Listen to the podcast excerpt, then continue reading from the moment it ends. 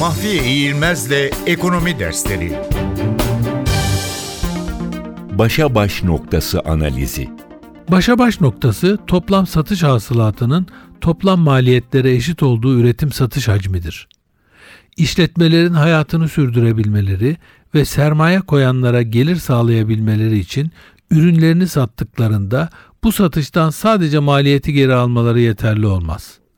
Maliyetin üzerinde bir tutar geri alınmalıdır ki işletmeye kar adını verdiğimiz bir fark kalabilsin. Sadece maliyetini geri alan veya bunu bile başaramayarak zarar eden işletmeler faaliyetlerini sürdüremezler. Çünkü böyle bir kar elde edilmediği sürece işletme boşa çalışmış olur. Başa baş noktası bir işletmenin maliyetlerini çıkardığı noktadır.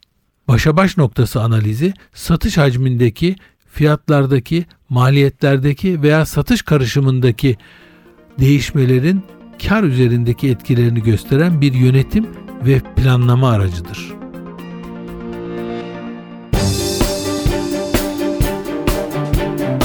Mahfiye İğilmez'le Ekonomi Dersleri